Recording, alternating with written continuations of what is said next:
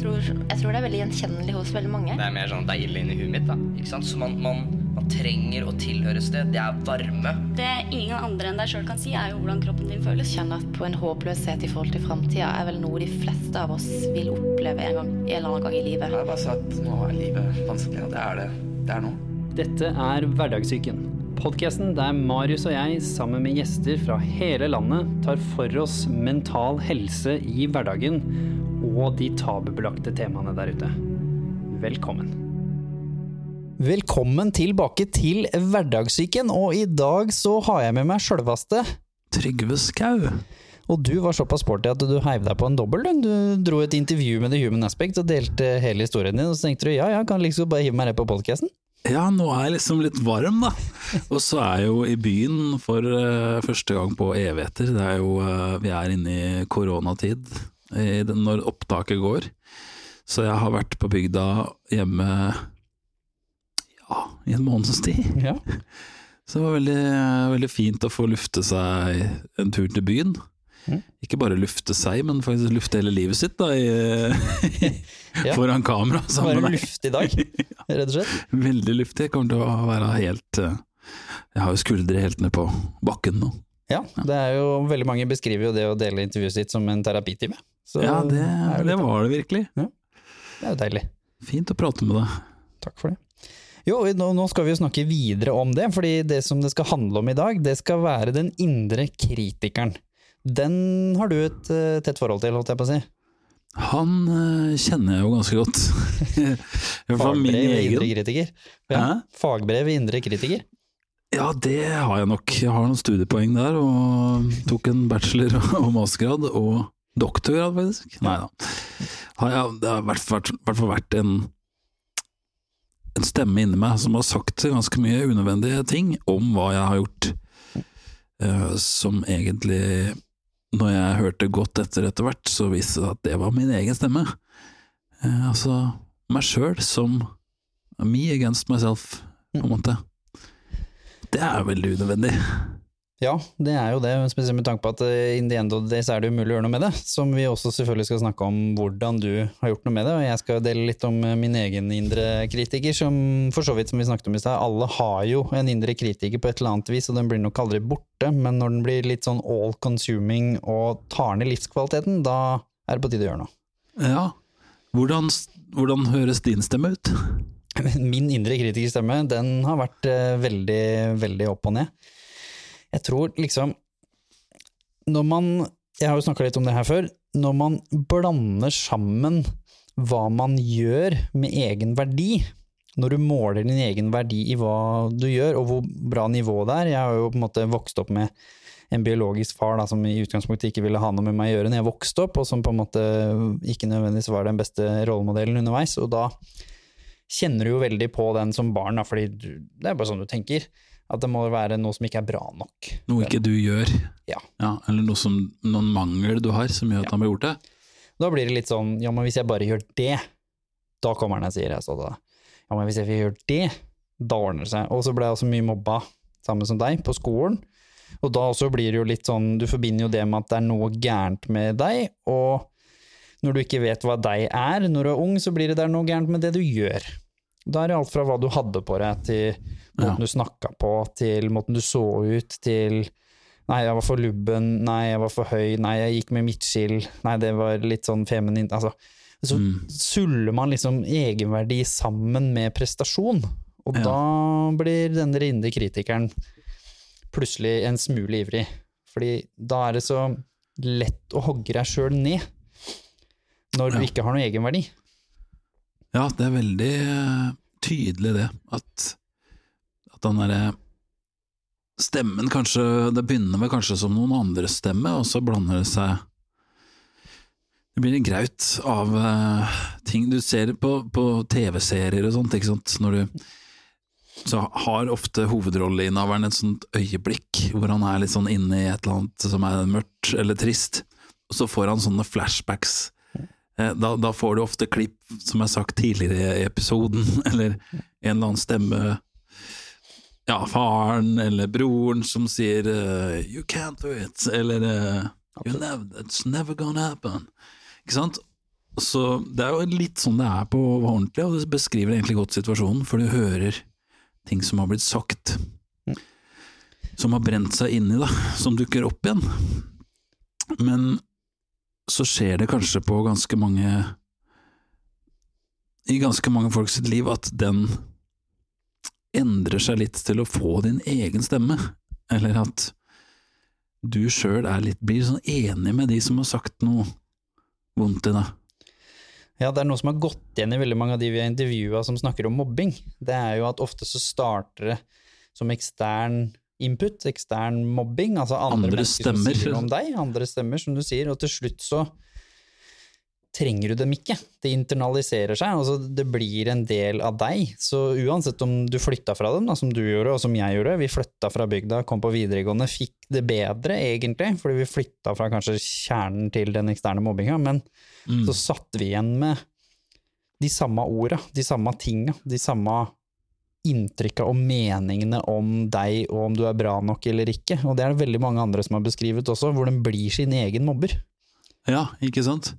Og det at, eh, det at du da først går fra å høre noen andres stemme som mener det om deg, og så innprenter du det i deg sjøl, og så blir det din mening om deg sjøl, og så da i møte med nye mennesker igjen, så nesten så du hører for deg at de sier det til deg, selv om de aldri har sagt det, kanskje de aldri har tenkt å si det engang. Så har du lært deg deres stemme og pratemåte, og så begynner så begynner den å kaste dritt om deg inni deg ut, med en ny stemme, plutselig. Eller, altså, det der det er ganske innfløkt, altså. Det er vanskelig å få bukt med. Ja, og så er det ganske fascinerende, for det skjer nesten litt sånn i stillhet. Det er, ikke, det er jo ikke et dramatisk øyeblikk Nei, det er veldig som er veldig lett små. å peke på. Ja. Og det har gjerne skjedd over tid, og det kan kanskje til og med ikke nødvendigvis ha vært noe sånn ekstremt gravalvorlig. Jeg ble Ja. sånn sett alvorlig mobba, men det var ikke noen sånn ekstreme situasjoner. Det var liksom noen småting her og der, men det var litt grov mobbing over årevis. Ja. Så ble mobbinga borte, rent sånn fysisk. De slutta på skolen, eller Ja, ok. Ja. Samme som deg, jeg gikk på videregående. Men så satt jo jeg igjen da med det inntrykket jeg hadde av meg sjøl, og så vender den stemmen innover, da, som du sier. For nå blir du stille utafra, så da har du jo god tid til å si det sjøl. Og så, Ja. som du sier, når du kommer da på en ny skole, usikker, alle de tinga der, kanskje kommer ut i jobben, så er det en som titter litt rart på deg, da. Og hvis du har slitt med vekta, da, for eksempel, så kanskje han, du føler at han ser deg på magen, eller du, Ja. Og så blir du sånn Å ja, nei, han syntes jeg var tjukk. Ja, nei, jeg var Ja, nei, jeg er fortsatt tjukk. Nei, jeg må trene. Altså, Ja. så har han aldri kanskje tenkt det eller sagt det. Han syntes kanskje T-skjorta di var kul, eller altså Ja. Og om han tenkte det, hvem bryr seg, på en måte? Sånn tenker jeg jo nå, Ja. men jeg gjorde jo ikke det den gangen.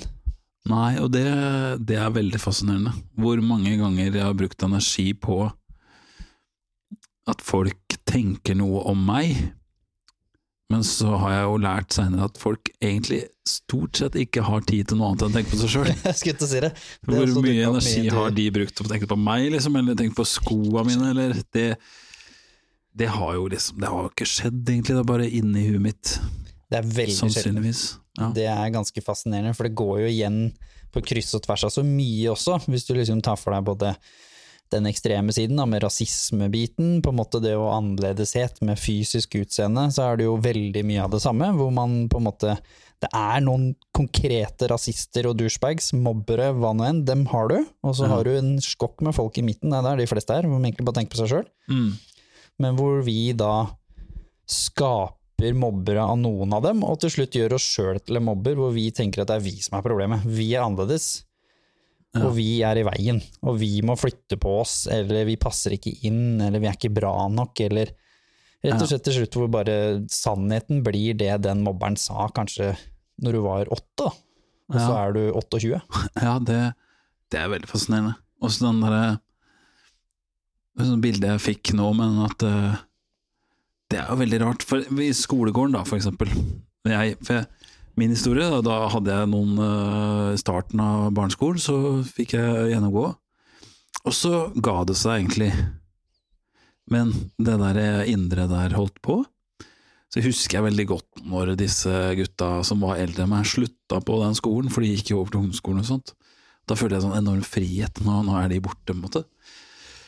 Og så begynner på ungdomsskolen, og da går jo de der i Når jeg går i åttende, så går de i tiende, men det var jo ett år, og så var det deilig etterpå. Og så alle der. Og, og det er jo på en måte min, min følelse av at de alltid ser på meg, som de kanskje slutta med det. Mens et annet eksempel i skolegården på ungdomsskolen der jeg gikk, det var, jeg husker det var en gutt som fikk gjennomgå veldig, og hvordan det var noen gutter som tok han øh, jevnlig, og, og da, er jo, da er vi jo i en skolegård som ikke er så stor, og selv om det er kanskje tre eller fire gutter som tar denne ene, så er de de veldig konkrete mobberne, og han er et, eh, et offer, og så er det alle de par hundre som står rundt Se på og ser på og ikke gjør noe. Og Det er kanskje jo- til og med ler. ja, ikke sant? Latter eller ignoranse eller frykt sjøl, som jeg hadde. Jeg, vi hadde ikke, det var det som holdt meg tilbake. At jeg var veldig engstelig for å havne i hans sko, på en måte. Mm. Og ikke turte å gå konkret inn, noe som jeg angrer på. Men det er jo en fysisk, veldig sånn konkret Da er det en gjeng som står og ser på. Mens når du har skapt deg en sånn mobbestemme inni deg, når du da Du har jo fortsatt den derre Du tenker at alle andre er enig med den stemmen inni deg, at alle andre er de folka i den skolegården Mm. som står og ser på og er enig, eller de er sikkert enig siden de ikke griper inn, ikke sant? Mens når du da Alt det her foregår inni deg, og så har du i tillegg klart å skape en sånn derre skolegård hvor du har masse Du lager, som du sier, har masse mobbere som egentlig ikke har noen som helst formening om du er for tjukk, eller om du prater for mye, eller om du er for tynn, eller om du Men de der bildene fra skolegården, bildene fra det kollektive ertinga, eller kollektive valget om å ikke gripe inn. Eh, Du tenker at alle andre er enig med den stemmen inni deg, helt til det motsatte er bevisst, helt til de faktisk sier ikke bare at du er en hyggelig gutt, men at de faktisk Noen mennesker går det så langt, kanskje at du, du må rett og slett bli sagt til at du er ikke tjukk, du er ikke for høy Eller bare at du du, er ja. har verdi. Ja, om du er tjukk eller tynn eller høy eller lav eller ler litt mye eller snakker litt mye, eller altså, hvor du klarer å separere egenverdi og eventuelle fysiske ting, men også Ja. spesielt gjerne ting du gjør og ikke gjør, da. Du Mm. Fordi skolen er jo den første prestasjonsarenaen i Norge spesielt, hvor det blir veldig tydelig om du er bakpå, Ja. du er i midten, spesielt ikke sant, i gymmen, i matten, så blir det veldig lett av å tenke er jeg han idioten? Ja. Er jeg han eh, nerden? Ikke sant? Det er jo ikke bra det heller, å være øverste delen av skalaen Ja, i Norge. Det, ja. Eller er jeg medium pluss, som er på en måte malen i Norge, da. Eh, og så skal du gjerne være god i idrett, for da kommer du deg gjerne safe igjennom. Ikke sant? Hvis du, Ja. hvis du er god på ski eller fotball eller et eller annet, da, da klarer du deg gjerne greit gjennom ungdomsskolen og videregående, fordi da får du litt frisone, på en måte. Ja. Mm. Og det blir veldig tydelig, da, fordi der hvor du og jeg kommer fra, altså små steder, Mm. så skiller du deg ganske lett ut, fordi det er jo bare plass til et visst antall folk på toppen, eller på bånn. Ja. Og i midten er det liksom ikke så god plass, for det er kanskje bare 15 stykker der. Så da er du enten han raringen som liker musikk, da, hvis det ikke er poppis i området, eller så er du den ene som ikke klarer å sparke denne ballen riktig veien, eller ja, ikke sant. Ja. du er for smart eller for dum, på en måte. Ja, så, så jeg, jeg husker at jeg gjorde det til en litt sånn Jeg gjorde det til en livsstil å være litt annerledes. At jeg prøvde ut det, på en måte. Eh, et, en stund gikk jeg og bare prøvde å være minst mulig, og prøvde å ikke synes. Hvorfor gjør vi det egentlig? Fordi det også tror jeg som går litt igjen, at når vi, når vi har vært kanskje litt skeivt ute da, for barneskolen, eller når som helst i livet, hvor man har blitt mobba og blitt pekt på som den som er annerledes, Mhm. så er det en ganske naturlig reaksjon derfra ut å prøve å bare bli borte. Ja. Det har en veldig negativ effekt det òg, men hvorfor tror du vi gjør det? Hvorfor gjorde du det? Jeg hadde kanskje hadde noen sånne idealer som jeg så rundt meg i klassen, hvis jeg er litt mer sånn, eller hvis jeg bare gjør litt mer sånn som han, så løser det seg. blir lettere, på en måte.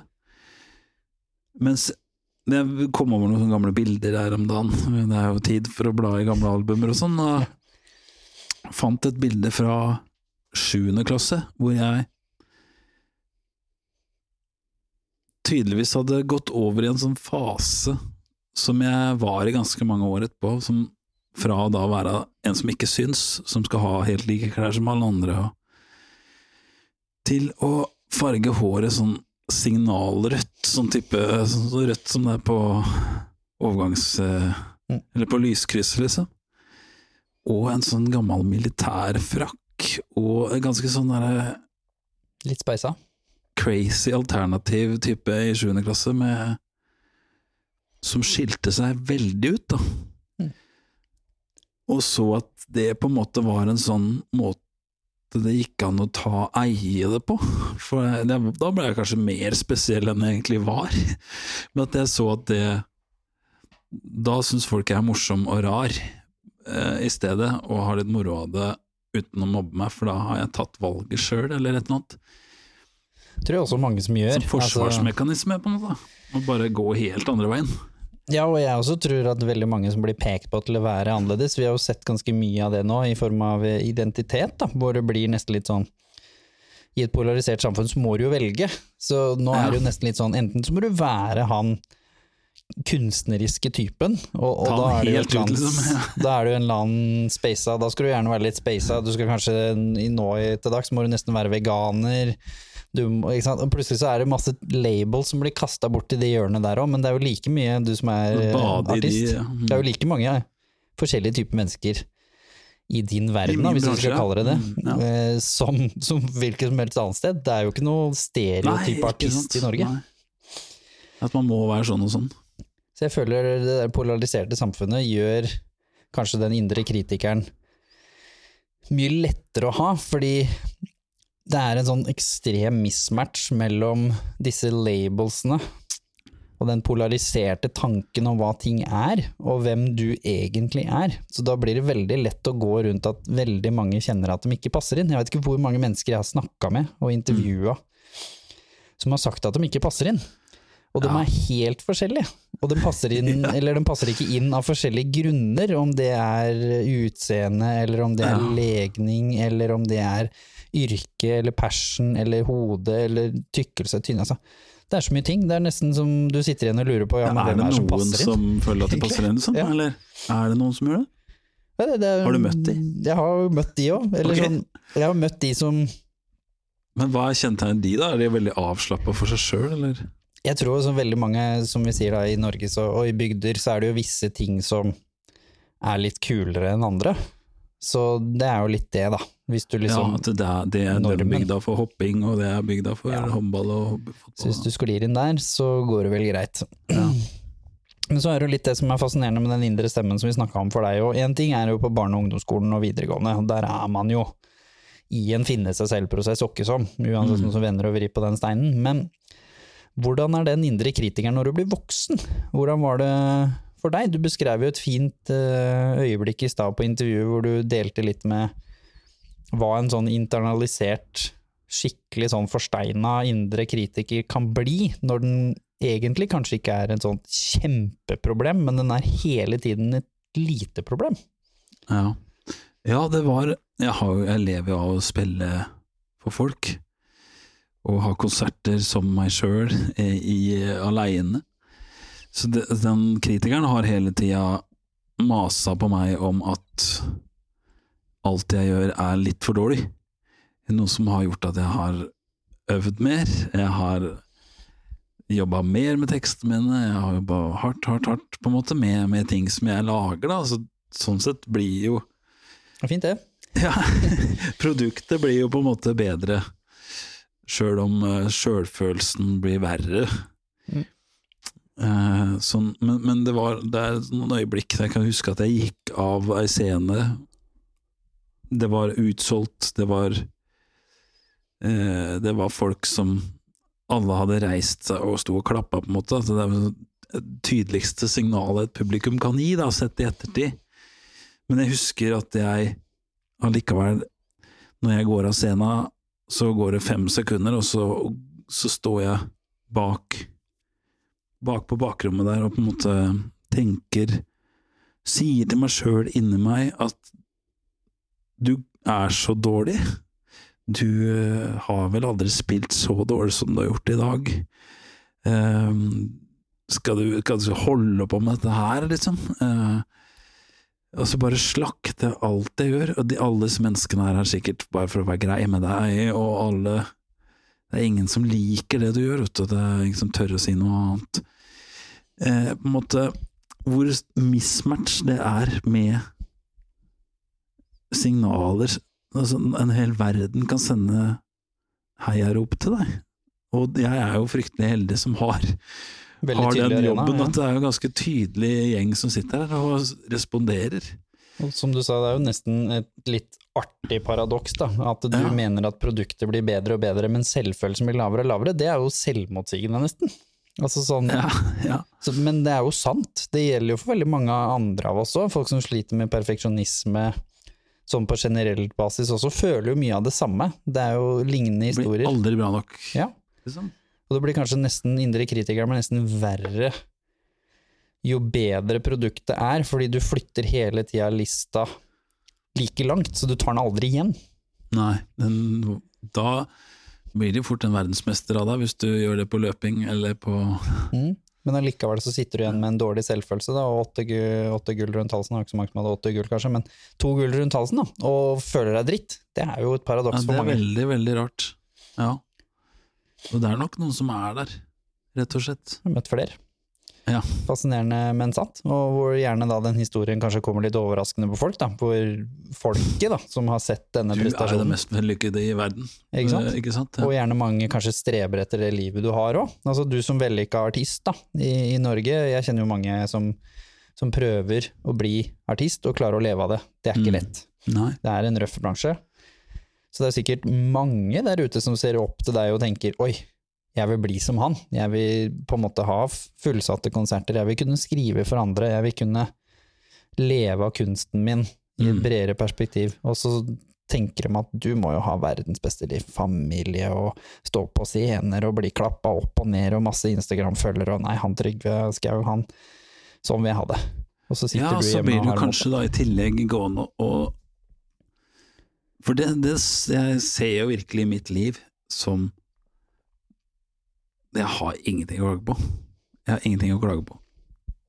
Uh, og det Det er jeg helt enig i, på en måte. Jeg er kjempeglad for det, men, men uh, Men derfor er det også veldig viktig å ta tak i han der kritikeren og få han uh, frisk, da. For at uh, ellers så kaster du bort et fint liv. Enten du gjør det, enten du har den jobben eller den jobben. Så det, er bare deg sjøl som taper på å ha ikke ta noe oppgjør, da. For hva var det som skjedde med deg? Fordi du hadde litt sånn den der, for den holder veldig mange tilbake, kanskje spesielt, spesielt oss menn, og kanskje enda mer menn fra bygda. At du tenker at ja, men du har ikke noe å klage på. Mine problemer er jo ikke Det er jo folk som har så mye verre enn meg. Altså, dette er ikke noe å bry seg om. Tenker man skjerp deg, gå Ja, det er jo helt, eh, og det er jo helt reelt, sånn faktisk sett Hvis du skal sette poeng på problemer, på en måte, så, så har mine veldig lav score.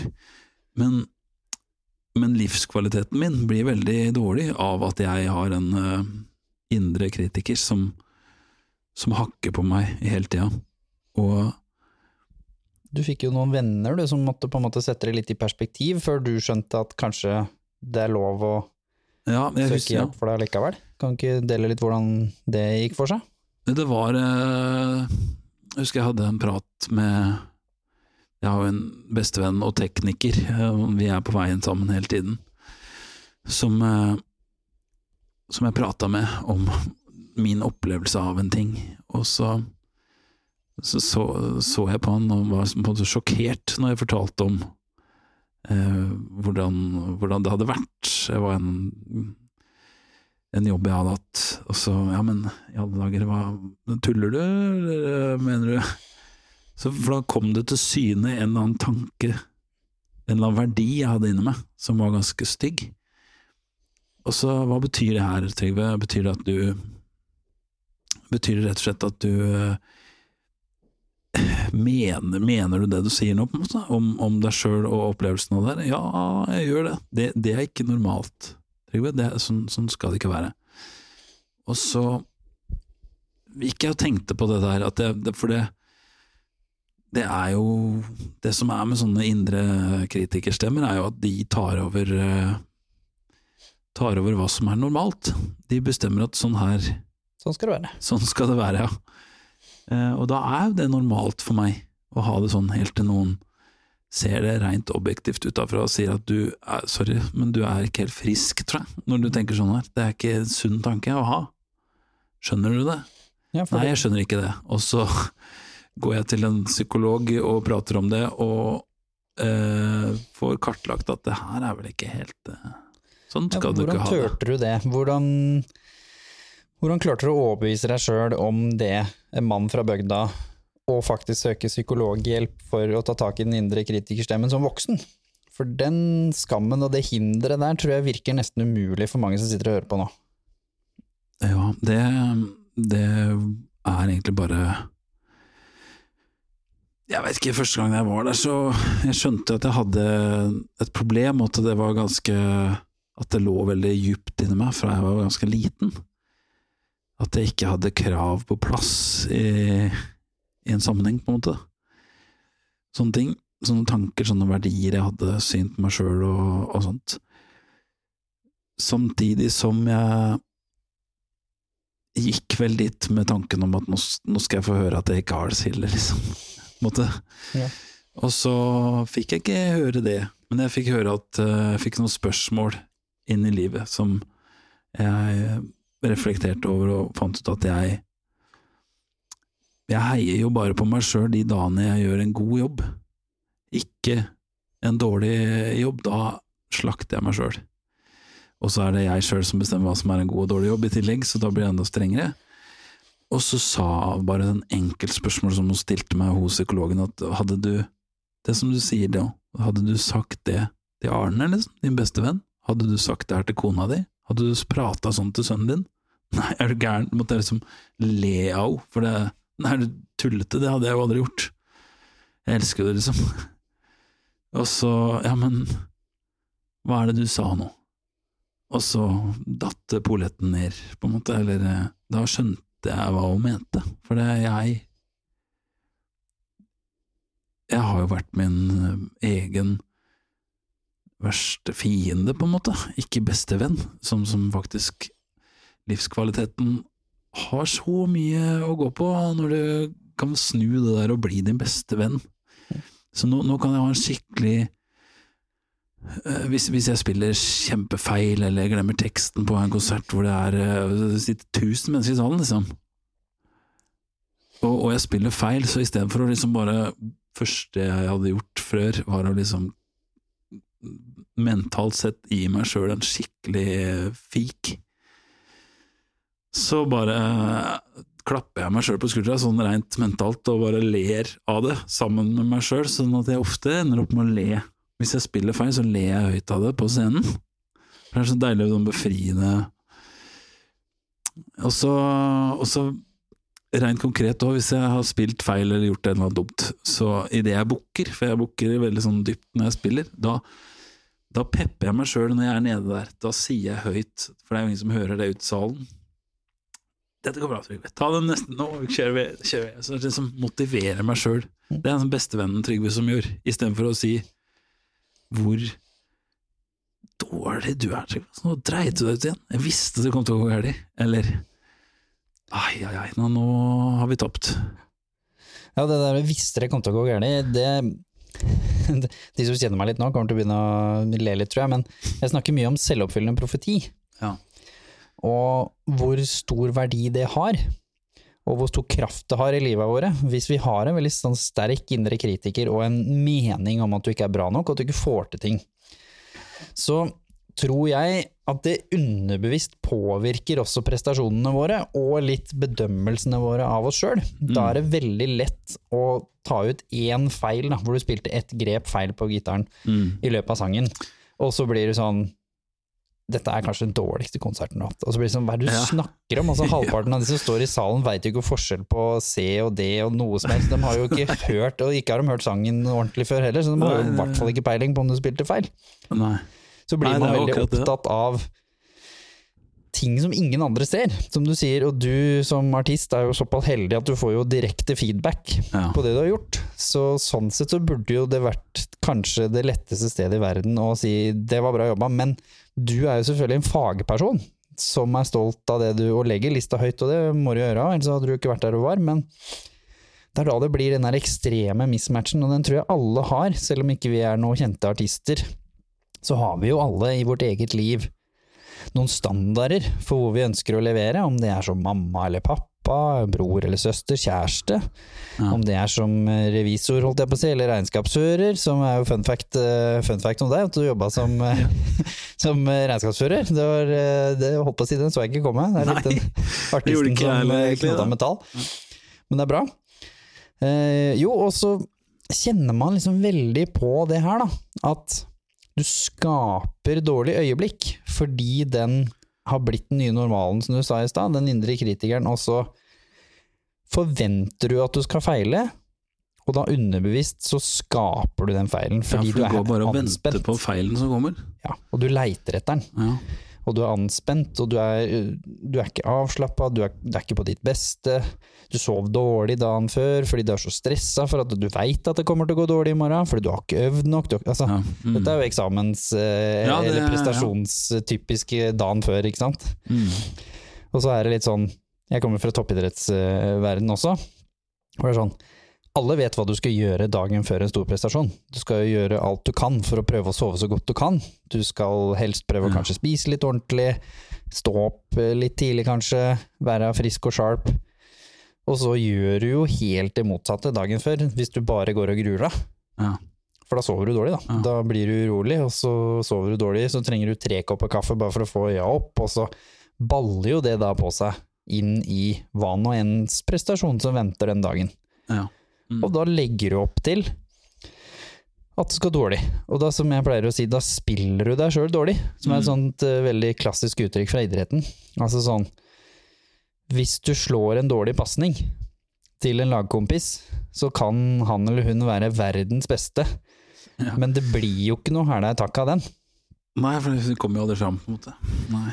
Så, og det er jo viktig å gjøre for seg sjøl. Det Ja. å spille opp seg sjøl god. Det å passe på at du som eksempel da, hvis i en vanlig setting da, hvor du veit at nei, jeg er veldig god til å faktisk komme med en innfallsvinkel etter at jeg har tenkt meg litt om. Ja. Men da burde kanskje ikke du være en som tar intervjuet på sparket. Eller blir stilt spørsmål på sparket, hvis du veit at du er en som må tenke deg litt om, før det kommer Mm. kloke svar. Eller eksempel da live kontra spille-inn som vi gjør nå, da. Ja. Mm. Hvis du må velge mellom de to, og du er en som er den personen som liker å tenke deg litt om, kanskje snøvler litt i svara, men så kommer det gullkorn etterpå. Mm. Når vi er ferdig. Ja, men så spill inn, da, så kan du redigere bort, på en måte. Ja, ikke sant. Ja. For det, det er veldig sånn forskjellig mentalitet, altså. Jeg har jo en sånn Jeg lever jo et sånn live-liv, på en måte. Og det, det har jeg jo vært veldig stressa for i starten, jeg begynte med det. Skjønner jeg godt. Så fikk jeg en sånn mantra av en eh, Av en fyr som jeg ser veldig opp til, som sa det du må tenke på er bare Hva er det verste som kan skje? Tenk det før du går på scenen. Og så går du ut og har veldig avslappa forhold til det du skal gjøre, for det er liksom Hva er det verste som kan skje? Det verste som kan skje, er at du velter alle gitarene, at du spiller alle sangene feil, og at du tisser på det. Og hva er sjansen for det? Ja, det er veldig liten sjanse for det. Ja. Og om det skulle skje, så vil alle i salen skjønne at det her er nok en dårlig dag for Trygve, liksom. Ja. Så da kanskje vi skal gi ham en sjanse til. Det er, ikke, det er veldig få der ute som tenker at det her skal vi aldri gjøre igjen. Um, så um, den har gjort meg veldig trygg. Og så Apropos det med soving og sånt òg, at det, hvis jeg har uh, sovet godt før en stor konsert, så så nyter jeg det på en måte og legger forholdet til rette for at kvelden skal bli god. Men så har jeg også lært meg teknikker for hvis jeg har hatt en veldig dårlig dag dagen før, eh, kanskje sovet tre timer, Og ikke da lage en dårlig konsert, for det blir sånn ja, men nå sover jeg dårlig. Ja, Dette ikke sant? Men, det, men heller tenke at nå Nå har jeg det dritt, da har jeg virkelig muligheten til å for, forholde meg til de drittfølelsene de er oppe i dagen. Disse kan jeg bruke, for nå skal jeg formidle noe sårt. I, de, I den og den låta så kommer det masse linjer som Det er ingen som skjønner de bedre enn meg i dag, liksom. Bruke Lært meg noen teknikker til å liksom bruke Uansett hvilken dag det er, så kan jeg bruke den til noe nyttig da, når jeg står på scenen. Og så lever, prøve å liksom tenke at det er nå eller aldri, da skal jeg kose meg. Minne meg sjøl på hvor heldig jeg er som har den jobben når jeg står der. Uh, ja, sånne ting som liksom heier på meg sjøl underveis i konserten. Ja. Istedenfor å bare tenke Møkk. Ja. Mm.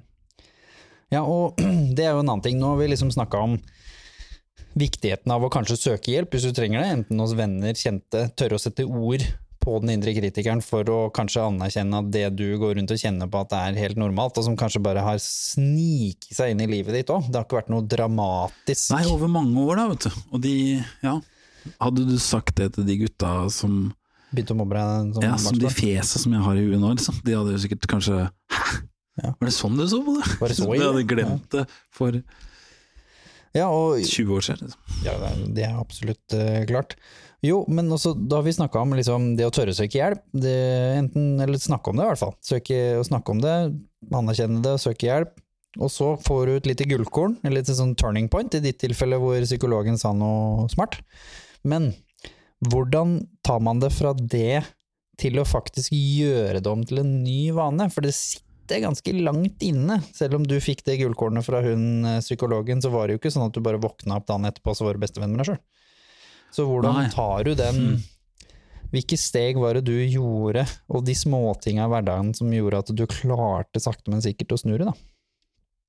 Jeg har nok eh, brukt eh, mye tid på de gangene folk sier noe hyggelig til meg, og si tusen takk. Tenk, venne meg til å tenke over hva du faktisk sa nå. Sa du det? Du hadde nok ikke sagt det der hvis det ikke mente det. Liksom alle tankerekkene der. Og kjenne igjen hver gang jeg hører noe kritisk inni meg. Eh, Og se for meg sjøl bytte ut, bytte ut Trygve med Arne, da. Liksom, eller bare den derre hvis den indre kritikeren sier nå, det er, nå dreit du deg ut, Trygve. Hvis jeg bytter ut det med nå dreit du deg ut, Arne, da hadde jeg blitt veldig sur på han kritikeren. For det er ikke lov å si sånn til bestevennen min, liksom. Sant? Og så har det liksom blitt en sånn vane å bare avsløre den stemmen, da. Kjenne igjen. Ehm, hvem er det som sier det, at det her er det som er sant? Å ja, det er han inni der, ja. Men det er ikke sikkert han har rett. Nei, han har ikke rett. Og så behandle meg sjøl som Hvis jeg får dritt fra meg sjøl, så ser jeg på meg sjøl som min egen bror, eller min egen sønn, eller min beste venn, og sier da Trøster jeg meg sjøl, på en måte, eller ikke hør på han der kødden der, og hysj med det. Det her er ikke sant. Det er ikke lov å si sånn. Har du sagt det høyt noen gang? Er du liksom sånn, fordi det er liksom morsomt, det veit jeg jo mange gjør i øvelser foran speilet og sånn, og jeg har gjort det sjøl òg. Sånn det der med sånn høyt å liksom si hysj med deg. Altså sånn, nå holder det, Jimmy. Jimmys Ja. uh, tullete, fjerne stemme. Nå holder det. Dette stemmer ikke. Og så Ja. si noe fint Nå til seg sjøl, liksom. på en måte. Ja, for jeg, jeg begynte å øve meg på det live, særlig da på konserter, og også i det bruke det bukkeøyeblikket. Hvis jeg følte at en låt hadde gått dårlig, da var jeg nede og booka, så sa jeg kom igjen, dette går bra. Liksom, få det inn som en øvelse, at hvert bukk er en ny start. Hver bukk er en sånn peppe deg sjøl-mulighet. Så jeg kan, nå kan jeg når jeg gjør noe bra, da, hvis jeg spiller noe fint, når jeg sitter og øver for meg sjøl, så kan jeg ta meg sjøl i å si ja, kult, liksom. Nå var du flink, eller Der naila du den. ja, si det til meg sjøl. For da det, det høres litt sånn rart ut, men bemerke gode ting som jeg gjør sjøl. Mm. Ikke for å være sjølhevdende, for det Sånne folk som meg, vi som er tenker sånn, vi får ikke hatt for høye tanker om oss sjøl, tror jeg. Nei, nei, og det, ja, jeg på å si, det er vel Norges uh, svar på Kardemommepolitiet, holdt jeg på å si. Ja. jantelovpolitiet, altså det er en indre kritiker, den er relativt eh, effektiv på å hogge ned hvis du begynner å bli litt Hold for ivrig på, Ja. på deg sjøl. Men, men hvordan har sosiale medier oppi dette her vært med å spille både på det negative og det positive? Fordi i gamle dager, når du spilte konserter og sånn i gamle dager, så Var var det jo, ingen som hørte på likevel? så var det jo begrensa med interaksjon etter en konsert og mellom konserter. Mens nå får du jo sikkert en skokk med ting hver dag i forbindelse med om det er noe hyggelig du skriver, om det er et bilde, om det er bare noe så enkelt som en story, eller selvfølgelig da når du legger ut fra konserter og sånn, hvor folk som Mm. også ikke er der, men som kanskje har sett deg før, også gir deg positiv feedback. Ja. Og selvfølgelig kanskje kritikk også, da, for det er jo klassisk at når man gjør det bra, så får du jo mye den andre veien òg. Men hvordan har liksom denne biten påvirka deg, da, og den indre kritikeren, og nå den indre kompisen? da? Ja, nå, hvis jeg får en negativ tilbakemelding, da, så tar jeg ofte den eh, med i rådet inni meg. Er dette sant? Da kan jeg nesten sammenstille den med han der indre kritikerstemmen. For han eh, Han har rett til å mene det, han fyren som skriver dritt til meg. Eller han har rett til å mene at jeg ser sånn og sånn ut, eller som det er aldri så uhyggelig. Men eh, nå har jeg på en måte blitt mer sånn Hva hvis jeg sjøl hadde vonde følelser som gjorde at jeg sa så stygge ting til meg sjøl, så kanskje det er noe av det han som skriver til meg, sliter med, da. Kanskje ikke han har det så godt inni seg sjøl, for du har det gjerne ikke så godt inni deg sjøl så du klarer å si noe så forferdelig til et annet menneske. I hvert fall når du ikke har gjort noe gærent. Ja, Du har jo ikke ja. gjort noe mot den. Altså, du Nei, jeg har ikke vært hjemme hos han og spilt. Jeg har ikke oppsøkt han heller, liksom. Kasta egg på døra hans, liksom. Det er jo ikke det du har gjort. Nei, så her er det jo et menneske som har oppsøkt meg på internett, sett hva jeg har skrevet, eller vært Mm. dratt og hørt meg spille, for så å dra hjem og skrive noe dritt. Eller, ja. Og da tenker jeg da Jeg har så klart å snu det til at her er det det mennesket som ikke har det godt Mm. med seg sjøl. Så hadde, hatt det- hatt, hadde han eller hun hatt det bra inni seg, så hadde ikke Uttrykt det. hadde ikke uttrykt det der, nei, til meg. Mm. Det må være noe mer, for det, jeg har jo sagt det samme til meg sjøl, og Så bruker du erfaringen til å faktisk avvæpne det litt. ja. Mm. Så jeg lar ikke det gå så inn på meg. Positiv, da. Du får jo sikkert en skokk med skritt. Jeg sjøl har jo gitt deg skritt på sosiale medier, så jeg veit at du i hvert fall har fått av meg. Så Ja. Tusen takk. tusen, tusen takk. Nei, folk er så hyggelige og rause, og det er jeg så glad for. Og jeg, det, det er, for en som ikke alltid tror på det, så er det sånn vanskelig å ta det inn, da. Mm. Men uh, jeg er jo så heldig som har en sånn uh, fantastisk uh, følgergjeng som er så positive. Så jeg har ikke Det er jo sikkert mye av grunnen til at jeg ikke har så dårlige dager heller. Ja. For det er så mye kjærlighet på internett. Ja, hjelper det på, på dårlige dager? Altså, så kjenner du det, at når du kanskje har en dårlig dag, da, og du får, det tikker inn noen meldinger eller noe på noe du la ut på Story i går eller dagen før, eller en konsert, eller Ja, helt klart. Det, det bygger meg opp igjen. Så det Der er jeg evig takknemlig, rett og slett.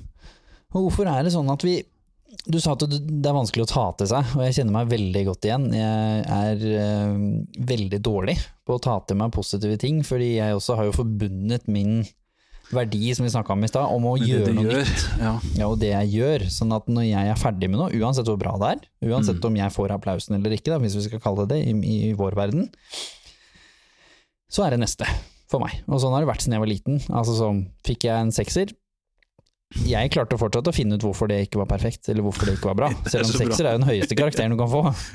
Så jeg hadde fortsatt noe å hakke på, og jeg brydde meg ikke noe om det. Det var fortsatt neste. Det var heller da, jo, men hvorfor fikk jeg fem i det andre faget? Ja. Ikke sant? Altså, det var alltid noe å strekke seg etter. alltid noe riper i lakken. Ja, og nå, vi drev og tulla om hår i stad, for vi ser jo begge to ut som sånn uh, minihuleboere her i, i koronakrisen.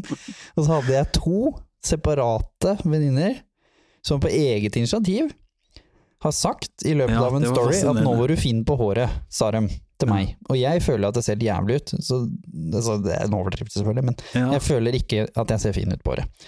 Men hvis man liksom skulle analysert den situasjonen, så er det som du sier, de har oppsøkt meg. Det er ingen som har spurt dem. De har på eget initiativ partiet, liksom? sagt det. Nei. Og da må det jo være sant. Da har de jo De syns det. De syns det. Og når jeg da ser meg sjøl i speilet, og, og overdriver litt selvfølgelig også, og føler at jeg ser ut som en, en bussmann, på en måte, Ja. det er en veldig godt eksempel på hele den indre kritikerstemmen. Mm. Fordi det du ser, er verre enn objektiv virkelighet, og i tillegg er enda verre enn subjektiv virkelighet for noen andre, som Ja. har et helt annet verdensbilde. Ja, så da hvor du var Mm. for noen, Mm. så kan du jo være drømmemannen for noen andre, da, for å sette det litt på spissen. Og der hvor du er den tynne personen som er litt sånn en landslagsutøver i hopp, på en måte, for å stereotype litt. Og du tenker liksom herregud, og, og prøver å legge på det, for det er også en genuin problematikk for mange. Så tenker noen andre å fy søren, du er det flotteste jeg har sett i mitt eh, liv. Eller modellbyrået ansetter deg fordi du er den eneste som passer i den stakkars eh, kjolen som dem skal tvinge på en XS, på en måte. Ja. Så det er så veldig viktig å ta inn over seg, tror jeg, at det er ingen som mener det samme. Eller hele verden mener ikke det samme. Så uansett Nei, hva du sier til deg sjøl, så er det ikke sånn at hele verden sitter og tenker det. Nei. Eller mener det heller, om du hadde spurt dem til og med, så hadde du fått forskjellige svar. ja, om, om sveisen din. Ja, er... og det, det er litt den derre Det husker jeg vi lærte på Det var en som hadde, hadde oss i sånn konsertformidling når vi gikk på videregående skole med musikk. Som uh, lærte meg det at For jeg fikk Han sa 'nå spilte du bra', liksom. Og så først jeg sier 'nei, jeg gjorde ikke det', og da, da, da. Indre Hva er du frekk, eller? Jeg, er, jeg, jeg har en master i Ja, eh, musikkformidling, liksom. Eh, mener du at jeg ikke ikke vet vet hva jeg snakker om? Og så bare leksa han meg opp. For det her er ikke greit. Skal, det her, dette rådet her Sånne råd er det ikke så mange av. Eller sånne tilbakemeldinger er det ikke så mange av. I ditt liv, unge mann. Du er 16 år. Hør på meg. Når jeg sier at det var bra, så er det bra. Og liksom Du skal ha respekt for meg som, som lytter, og du skal ha respekt for meg som eh, en som gir tilbakemelding. Og på en måte eh, tok meg i kragen og Rista deg litt? du skal ikke si nei til meg når jeg sier at du har gjort en god jobb. Du skal si takk til meg. Liksom. Den der respekten for publikum, da, eller andre menneskers mening. Og så er lærer man seg kanskje å si takk uten å mene det, men du på en måte i hvert fall Etter hvert har jeg skjønt at jeg må jo høre på hva er bidige ting folk sier av hyggelige ting til meg. Det er jo dritfint, sånn som den sveisen din nå. Mhm. Ja, Tenk må ta til seg, må si takk. ikke feie det av banen. Og det er ikke lett. Det jeg, må, jeg har måttet øve meg, og jeg er ingen mester enda, med å si takk. Og som du sa i stad, tenke litt hva sa de nå? Ja. Sa de bare sånn du er så kul fyr. Altså sånn. Ikke for Ja. å snakke ned om det, men hvor man slenger inn noe som ikke har noe substans, Ja, på en måte. sant, ja. Men hvis jeg sa til deg da at uh, du er en utrolig flink artist, du skriver tekster som, som har dybde som jeg kan relatere meg til, så er jo det en mer konkret feedback enn hvis jeg sier du er så rå fyr. Ja, Det, er sånn, som blir jo så veldig, sånn, det er veldig hyggelig, men det er på en måte litt fruktig, da. Ikke Ja. sant? Og Ikke det å tørre å ta det til seg, og kanskje kjenne litt eh, på det, da. Jeg hadde en sånn artig øvelse som jeg gjorde, en selvutviklingsøvelse, som vi har gjort litt her på, i The Human Aspect Team også. Det var hvor vi spurte folk rundt oss, skulle da sette tre ord som skulle beskrive deg som person. På helt Spørsmålet helt åpent. Ikke noe, ikke noe valgalternativer, ikke noe multiple choice. Her er det liksom Hvis du skulle beskrevet meg med tre ord, hvilke ord skulle det vært, og hvorfor? Fordi hvis ikke så blir det jo du er en rå fyr igjen, på en måte. Ja. Veldig spennende hva som dukker opp, fordi nummer én så ser du selvfølgelig det som vi sa i stad, at folk er forskjellige, så de sier forskjellige ting, og du betyr jo selvfølgelig forskjellige ting for forskjellige folk, og du har jo forskjellige roller også for forskjellige folk i livet ditt, så det er jo helt uh, vanlig. Men det er også fascinerende at det dukker opp ting som går igjen, selv om det er helt vidt forskjellige relasjoner og vidt forskjellige folk, og veldig ofte den tingen som går igjen er en ting du, hvis du har en indre kritiker da, som det du og jeg har slitt med, aldri har sagt til deg sjøl. Ja. Du har aldri Er det brukt det ordet om deg sjøl, i en positiv sammenheng. Mm. Og det er litt spennende. Så når jeg gjorde den øvelsen, så ble det inspirerende. Det var litt spennende. Ja. Og de gikk igjen på sånn snodig vis, sånn i veldig merkelige sammenhenger, hvor jeg, det begynte å dukke opp da i etterkant også, sikkert fordi jeg la merke til det, men Da begynte det å dukke opp også sånn litt sånn tilfeldig på jobbmøter, eller sto og snakka foran noen, eller altså hadde foredrag, eller Så var det det ordet som gikk igjen. Ja. Og da måtte jeg gå litt sånn i meg sjøl og blei sånn Vet jeg egentlig hva inspirerende betyr? Sånn helt fair? Ja. Ja, jo, ja, jeg trodde det, men ikke, har ikke fagbrev i inspirerende. Altså sånn. Så gjorde jeg da et lite dypdykk i Fordi jeg spurte jo hvorfor, vennene mine. Så nummer én, hva er definisjonen av inspirerende? Det jo, kan du finne på Google. Men hva legger andre folk i inspirerende? var ganske spennende, for da dukker det opp igjen litt nyanser. Og da begynte det å dukke opp ting som jeg da sakte, men sikkert klarte å anerkjenne i meg selv. Ikke nødvendigvis Ja. kom til det at jeg hylla meg selv i det, jeg kommer aldri til å komme dit, tror jeg, men det var veldig spennende, for da ble jeg kjent med meg selv på en ny måte. Da ble jeg sånn Du ordlegger deg på en måte, og handler spesielt, da, var det de sa. Du gjør ting på en måte som viser at det er mulig å få til de tinga. Ikke at jeg gjør så vanskelige ting, men jeg gjør en del ting som kanskje ikke alle andre gjør, da. Ja. Og så, ja, ikke sant, så er din måte å gjøre det på så overbevisende om at det her kan du jo klare. Ja. Men da er det kanskje ditt blikk på andre samtidig som du gjør det, da. At din måte å gjøre det på er ikke hoverende eller eh, på en måte over, eh, overkjørende, da. Sånn at eh, mm, Og det skjer jo selvfølgelig innimellom, men det, er jo, Mm. det var veldig interessant øvelse å ta. Ja. Og veldig fint det du sa i stad med å ikke hogge ned de andre, for jeg var veldig fæl på det der. Hvis noen ga meg en positiv feedback, Mm. så sa jeg takk, sånn som det med sveisen. Så sa jeg takk, men jeg syns det er for langt. ja. Hva sier du egentlig til den vennen din da? Du har dårlig smak, eller eh. Nettopp. Egentlig så rakker du ned på vennen din. Du Ja, er sier jo egentlig til vennen din at du vet hva, du, hva du snakker om. Liksom. Jeg ser jo Ja. jævlig ut. Altså, Ja. du Du har ikke peiling, liksom? Ikke bli frisør, liksom. Altså sånn. Ja. Og det er jo tilbake på det du sa i stad. Hadde du behandla Arne sånn, Eller hadde jeg tålt å sitte i et rom hvor det var en annen som prata sånn? til Til et annet menneske, Ja. hvor du har dårlig smak, du kan deg du skjønner deg ikke på hår, ass. Ja. Så det å øve seg på puste, hva sa personen nå? Mm. Huske at folk er forskjellige, og si tusen takk, det var veldig hyggelig sagt. Det satte jeg pris på, for det gjorde du jo. Jeg Ja. føler meg jo kanskje litt sånn lurvete, og føler at jeg burde klappe meg. som Litt sånn bedre Norge. følelse når du går ut etterpå, da. Kjenn litt på det. Lær å ta til deg positiv feedback, og, og spør hvorfor. Det har jeg blitt veldig Det har jeg alltid vært flink til, for jeg er litt over til nysgjerrig, som du har kjent i intervjuet i stad. Men hvis noen gir deg positiv feedback, som jeg får nå takket være sosiale medier, så får vi ganske mye fin feedback. Og når jeg Ja. delte mitt intervju, så har jeg fått det fra hele verden. Altså sånn Ja. rundt det jeg snakka om. Så folk som aldri har møtt meg, eller ikke peiling på hvem jeg har, som har bare sett den, og som sier noe positivt. Og da spør jeg hva likte du best, for eksempel? Når de sier ja, fantastisk intervju, så sier jeg hva likte du best? Ja. Hva syns du hjalp mest? Når noen sier ja, du er så inspirerende fyr, så sier jeg tusen hjertelig takk, setter kjempepris på at du sier. Hva legger du i det? Ja. Hva inspirerte? Hva har du blitt inspirert til? For da, ut. får du mer. Mm. og da tør Jeg tror jo da at hvis du da engasjerer deg litt i den positive feedbacken som blir gitt, Mm. så tar du det mer til deg òg. Enn Ja, hvis du bare dobbelttapper på Instagram. For du Og du bekrefter et annet menneske samtidig, noe som er kjempebra. Ja. Og det med Man har jo forskjellige folk i livet sitt, mens jeg legger veldig merke til de som eh, De som gir meg en følelse av at jeg ikke bare liker de bedre for hver gang jeg er sammen med de, men at jeg liker meg sjøl bedre også for hver gang jeg er sammen med de. Sånne folk. Har du det i livet, så hold på det, liksom. Og Lenk dem fast i ja, si til de hvor mye det betyr da, for deg. Ja, når For gjorde det man det glemmer sist? vi liksom å si, da. Ja, når gjorde man det sist, liksom?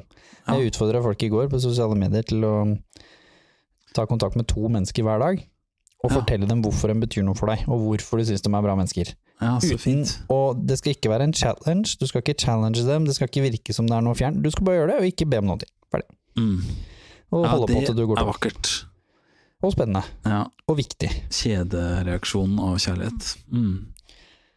Så det er litt spennende, men hvorfor er det sånn, for vi kan ta opp den siste biten her til slutt, hvorfor er det sånn at vi har vanskeligere for å ta for oss, eller ta til oss positiv feedback fra folk som står oss nære? For du også som er artist kjenner sikkert på det at hvis en helt ukjent, som ikke har noe grunn til å komme opp til deg, kommer opp og sier noe positivt, oppsøker deg, så tar du det kanskje nesten litt i deg, fordi da er det en så stor prestasjon, og det er ingen forventning fra din side til at denne personen dukker opp. Mens i stad, som du sa, mamma og pappa i intervjuet, når dem sier noe bra, som kan jo kjenne musikk like bra som denne random eh, personen som kommer opp, og Ja. kunne sagt akkurat det samme, ordrett, så hadde du tatt det mindre til deg. Hvorfor er det sånn for deg? Ja, det er veldig rart. Jeg har ikke reflektert noe særlig over. Men det er jo sant, og det, det er liksom Det ligger en forventning, det er en slags sånn kontrakt i at de skal elske meg, Ja, uansett. Og si noe positivt til musikken. Ja. Eller uansett hva vi driver med. Ikke sant? Så derfor eh, er det liksom det, det regner jeg med, for de har ryggen min, liksom. Mens her kommer det et annet menneske som ikke jeg egentlig kan regne med, men så sier jeg noe positivt. Det er veldig rart. Eh, Men jeg har jo vokst opp med at jeg vet at de er stolte av meg, på en måte. Den derre vissheten i det. Det er, jo, det er jo en skatt i livet. Jeg vet ikke hvor, hadde, hvor mørkt eh, det hadde vært i den hula hvis De ikke hadde jeg ikke hadde hatt det. Altså. Mm. Og egentlig som er litt fascinerende, at det er jo bare forskjellig. Jeg har lært meg å si det. Det er ikke bra og dårlig feedback, bra og dårlig kritikk. Det er forskjellig. Ja. Mm. De kommer jo kanskje La oss si kona di, da. Kona di tør jo kanskje å være ekstra ærlig fordi hun kjenner deg, og Mm. fordi du kjenner henne, og hun stoler på at du ikke graver et svært hull og hopper oppi. Mm. Hvis hun kanskje kommer med noe konstruktiv kritikk, mens en tilfeldig random Ja. skal ganske mye til for at en tilfeldig person dukker opp med konstruktiv kritikk, i hvert fall i Norge, hvor vi er litt sånn konfliktsky på toppen av det. Ja.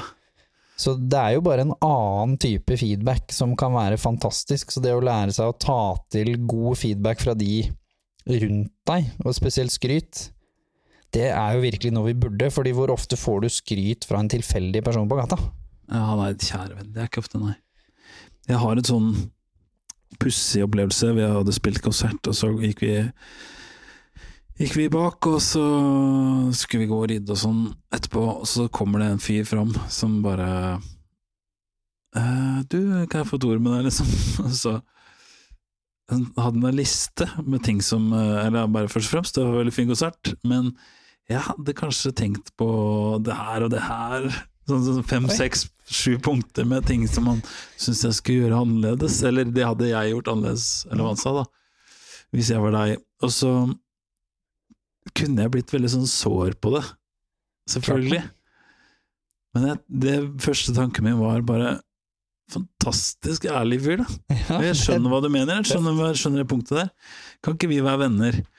Og så, så ga jeg bare Kan jeg få nummeret ditt, vi må ta en kaffe når den turen her er ferdig. Og så, nå er jo det en av mine venner, liksom. Som jeg bare tenkte, han der skal jeg ha i livet. Jo, ærlige folk, vi trenger inn, trenger det. altså. Ja. Og det var jo gjort med kjærlighet. Jeg opplevde ikke at han var liksom ute etter å pelle meg ned.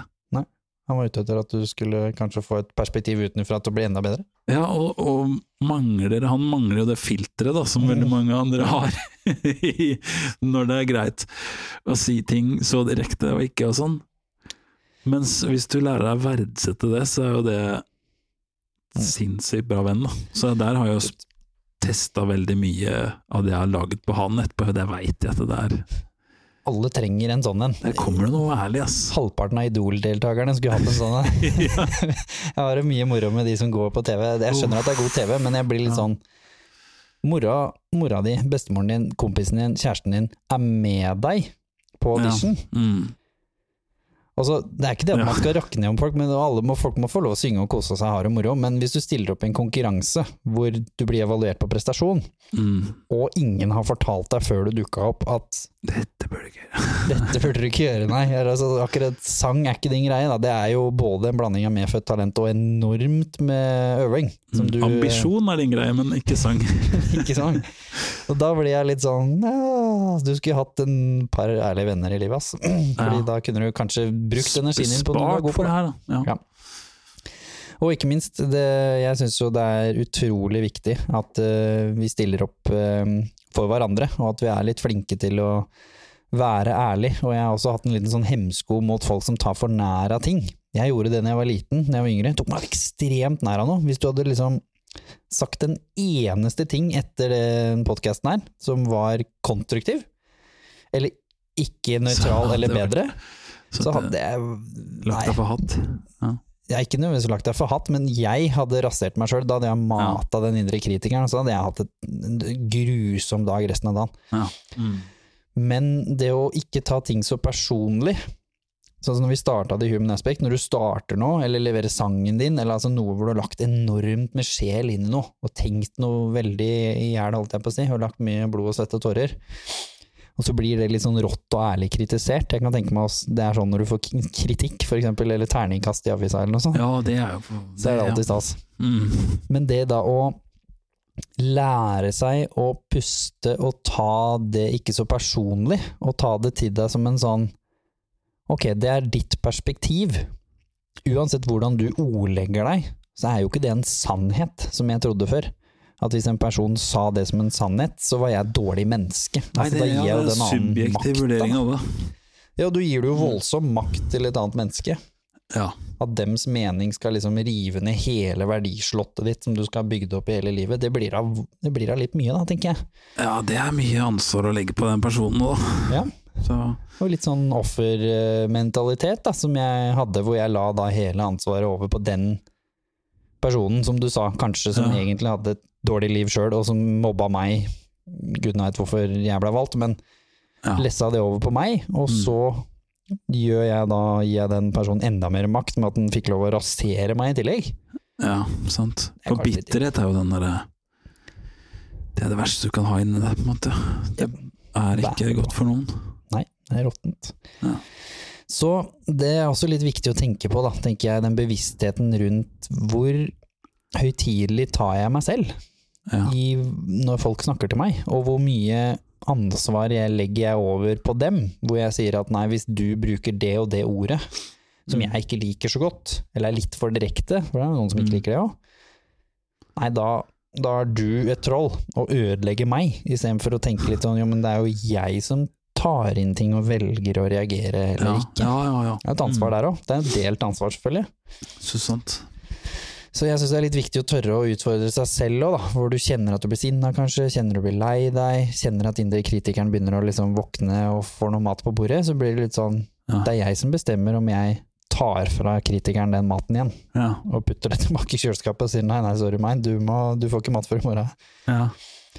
Så det ja, er et ansvar ja, der. Det er et veldig godt poeng. Så det har jeg mm, gjort litt øvelse på. Så for folk som kjenner seg igjen der, så utfordrer jeg deg litt. Tør å utfordre deg selv, og ikke, ikke være så sint. Det, jeg, jeg har følelsen av at på sosiale medier så er det, det er så mye sinne. Folk reagerer så Folk så ekstremt hvis det er noe. Hvis noen uttaler seg om korona, eksempel, enten den ene eller andre veien, så er folk liksom sånn hiver seg på og skal liksom totalt rasere den personens mening. Ja, det er liksom ikke Det er ikke noe Argument. igjen liksom av personen etterpå. Det er bare Prøve å finne en balanse, da. Du må gjerne være uenig. rett og slett. Ja, og du må jo gjerne si at du, jeg likte ikke den sangen din så godt, jeg, Trygve, men, men da trenger du ikke å liksom rasere deg som person. Da kan jeg heller si at det var ikke helt min type musikk. Nei, det, Det er jo lov. det er veldig lov. Selv om det er det. Det er min type musikk. Din musikk, by the way. Ja, det er hyggelig det, da. Men det er liksom Det er hva han tar til seg, og så er det hva han, eh, hva han gjør med det, som du sier. da. Mm. Og det er jo sånn Det er gitt ut ting som bare har eh, Kommer den på Mm. Jeg har gitt ut ting som eh, som har fått kritikk, Mm. eh, og, og, og veldig mye av det òg, og veldig ha- hard kritikk kanskje òg.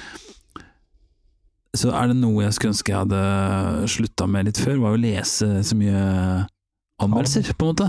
Ja. Det er sikkert kjempedeilig å lese når de er Gode. hyggelig, men det er jo bare en person sin mening, og så er det veldig sunt å zoome litt ut og se er alle enig eh, i dette, eller er det, virker det som ikke alle er enig? Altså, eh, hva er det som betyr noe for deg? Em, eller meg, da.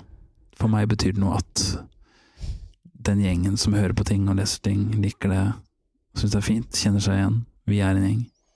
Så er det noen som ikke er enig, og det, det må være helt lov. For at det, hvis jeg tar fra Hvis jeg blir krenka, og hvis jeg blir sur og bitter, så blir det veldig vanskelig å si noe om det jeg gjør i det hele tatt. Mm. Og så blir det veldig vanskelig for en kritiker å gjøre jobben sin. Og det er jo bare en Han skal bare være ærlig, liksom, hva han syns. Mm. Og det har det vært. Og så blir det veldig mye bitterhet inni meg, som ikke Som bare plager meg. Veldig og mange timer i døgnet. sinne. Ja. Og en utløp her og der når det kanskje ikke passer seg, da. og den siste som kritiserer deg, får hele skyllebøtta. Som er også klassikeren. Ja, da rant det over. Ja. Ja. Så er det egentlig kanskje ting langt tilbake det handler om, ikke mm. Akkurat det. Og hvis du da skulle runde av her med ditt eh, Ja, hvis du skulle liksom eh, slengt ut en refleksjon eller to på hvordan man kan håndtere sin indre kritiker, til de som sitter og hører på nå og kjenner seg veldig igjen. Hva ville du avslutta med å minne folk på rundt det, med hva de kan gjøre for å ta tak i det som du har gjort? Det er å prøve å spørre seg sjøl hver gang du disser deg sjøl. Ville du sagt dette her til din beste venn? Nei, det vil du ikke. Um, prøv å zoome litt ut. Prøv å minne deg sjøl, oppsøke ting som er positive. Oppsøke ting som sier noe positivt til deg om deg sjøl. Uh, prøv å få Hvis du er så usikker på hvem du er og hva du er, så er det helt fair å spørre noen eh, hvordan opplever du meg? Bare få, få et par tilbakemeldinger på deg som person. Som du sa, da, så plutselig oppdager du oi, jeg er inspirerende. Um, og så prate med en psykolog, eller noen som uh, kan psykisk eh, helse, om det, som kan hjelpe deg å skjønne at det her det her er noe som er inni deg som ikke er bra, liksom. Det, det stemmer ikke. Og det er ikke Jeg tror ikke, tror ikke du er aleine med å ha det sånn. Det kan i hvert fall vi to bekrefte, da. Ja. Hvis du sitter og hører på nå, så er du ikke aleine om å ha sånn. Da er vi i hvert fall to. Men det er mye unødvendig energi som er brukt på det opp gjennom åra. Yes. Så bli kvitt det fort som mulig. Mm. Og som du og jeg snakka om i stad, som jeg kanskje gjerne vil minne folk på, den blir ikke nødvendigvis borte. Altså sånn konkret, jeg tror ikke nødvendigvis det skal være noe mål heller. Jeg vet at psykologer også sier ikke nødvendigvis at det skal være noe mål, for det er litt usannsynlig mål, og da kan det ende opp med at du Mm. slår deg i huet av det igjen, da. Så blir det sånn, Ja. ja, du klarte ikke dette heller, du klarte ikke å bli kvitt meg, der ser du, ikke sant. Ja. Men når det går fra å være litt altoppslukende og ødelegge livskvaliteten, som du snakka om i stad, til at man finner en fin balanse, og man kjenner den igjen. Du kjenner lusa på gangen når den Ja. kommer inn. Og blir sånn Nei, vent litt. Deg har vi Nei, nei.